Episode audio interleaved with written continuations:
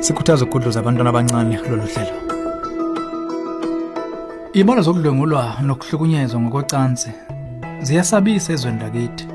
Kwazona lezo inkomba ngeshwa ayivezi isibalo ngqo ngoba hlehlehle kudlwengulo olu4 kuqoshwa phansi olulodwa olusuke libekiwe ngokusemthethweni.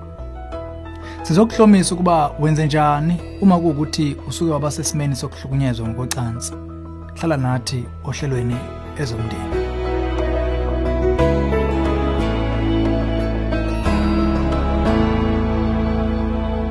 Angithatha ithuba ngikubingelele ezomndeni uhlelo ukulethela izeluleko eziphatheka ngabaka focus on the family.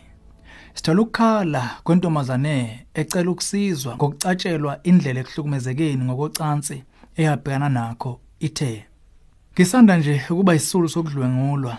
Ngilidinga kakhulu usizo. Kodwa angazi ngizothola kuphi. Ikuphi okumele ngikwenze? Angikaze ngixola abazali bami futhi akekho waziyo nginamahloni ukuvuleka ngalokho emndenini nakubangani futhi ngesaba ukuthi sizoba ngesedlwele isimo uma ngiyobika emaphoyiseni. Khona manjalo ngizizwa ngingcolile nginecala ngingelutho ngixakekile ngesaba kakhulu kwakuba kukhona na umnyakazo engawenza kubhlungu sizolana nawe. Kubhlungu enhlizweni okudideka obhekene nakho. Nanxa kungaguquli lutho kodwa kungasiza ukwazi ukuthi imizwa yokuba namahloni icala kunye nokwesaba kuyimvelo kumuntu mayibhekene nokuhlukunyezwa.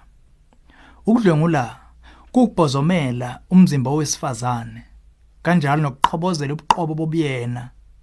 Siyaqona kungani uzizwe ngokhubazekile njengamanje?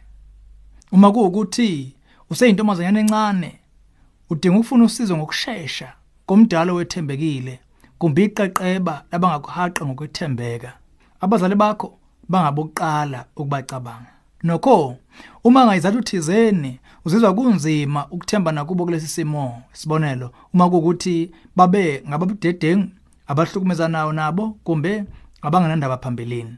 Sekuncengela ukhulume nomunye ongamethemba umuntu. Kungaba uthisha umeluleki wasesikoleni umfundisi umphathi wabasha kumbe umzali noma umngane. Hlala phansi masisha nalo muntu qede umazise konke okwenzeka. Emva kuba sewuvulekile komdala othembekile ngicela kusize ukubeka kwabomthetho endaweni okuyona. Masishane kuzomela uyekudokotela lakho uzokwazi ukuthola usizo lwezempilo olufanelekile. Uma kuukuthi bungakakwenzi lokhu sikhuthaza ungaqali ubhave phambi kokuba uye kudokotela. Hamba unjalo nje ungabhavile. Uma kungenzeka zigcine ingubo buyigqokile ngaleso sikhathi.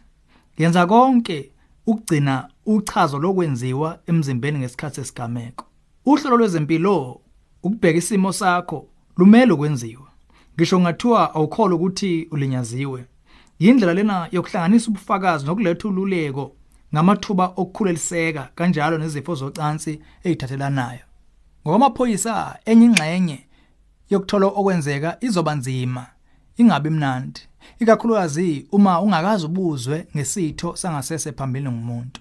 Nokho usizo lwezempilo yakho yonke luwusizo nanxa luza ngalembuzo engemnandi okwesikhashana.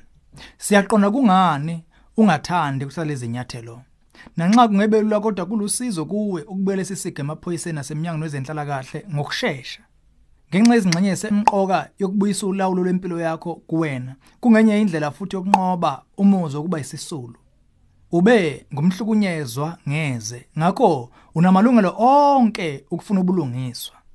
Ukudlwengulwa kuchaza ngokuthi kunganoma hlobo luni lwesenzo socansi ebesinkankanywa kumbe esenziwe saphelela ngempoqo kumbe ukuphoqwa inhliziyo ngenkani engavumile.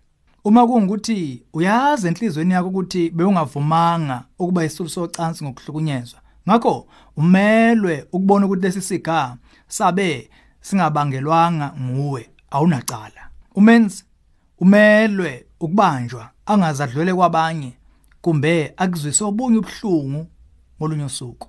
Sikhuthaza kakhulu ukuba uxhuma nomnyango wethu kwa Focus on the Family. Wezokelulekwa lakho nomunye uyisebeze zethu ekulungele kuba athandaze kunye nawe ngocingo akululeke futhi. Angaphinde futhi akuxhume nabaluleki abaningi abangamaKristu abaseduze nawe. Sishayele ku 031 716 33 00 kumbe ungena ku safamily.co.za bese icofo ku counseling link. Okusemqoka nakho konke khumbula ukuthi uNkulunkulu akakulahle ngecala akakusoli ngokwenzekile. Uyakuthanda ume nawe futhi wethembisile ukuthi akasoza akushiye akulahle. kumaHebheru 13 verse 5 ufuna ukukhulula emzweni yenhliziyo yobuhlungu qede elaphi ilonda zenhliziyo yakho? Lolu hlelo ezomndeni ulethulelwe yifocus on the family sihlangabezwa hlelo luzayo sesihlabelisa phambili umndeni wakho.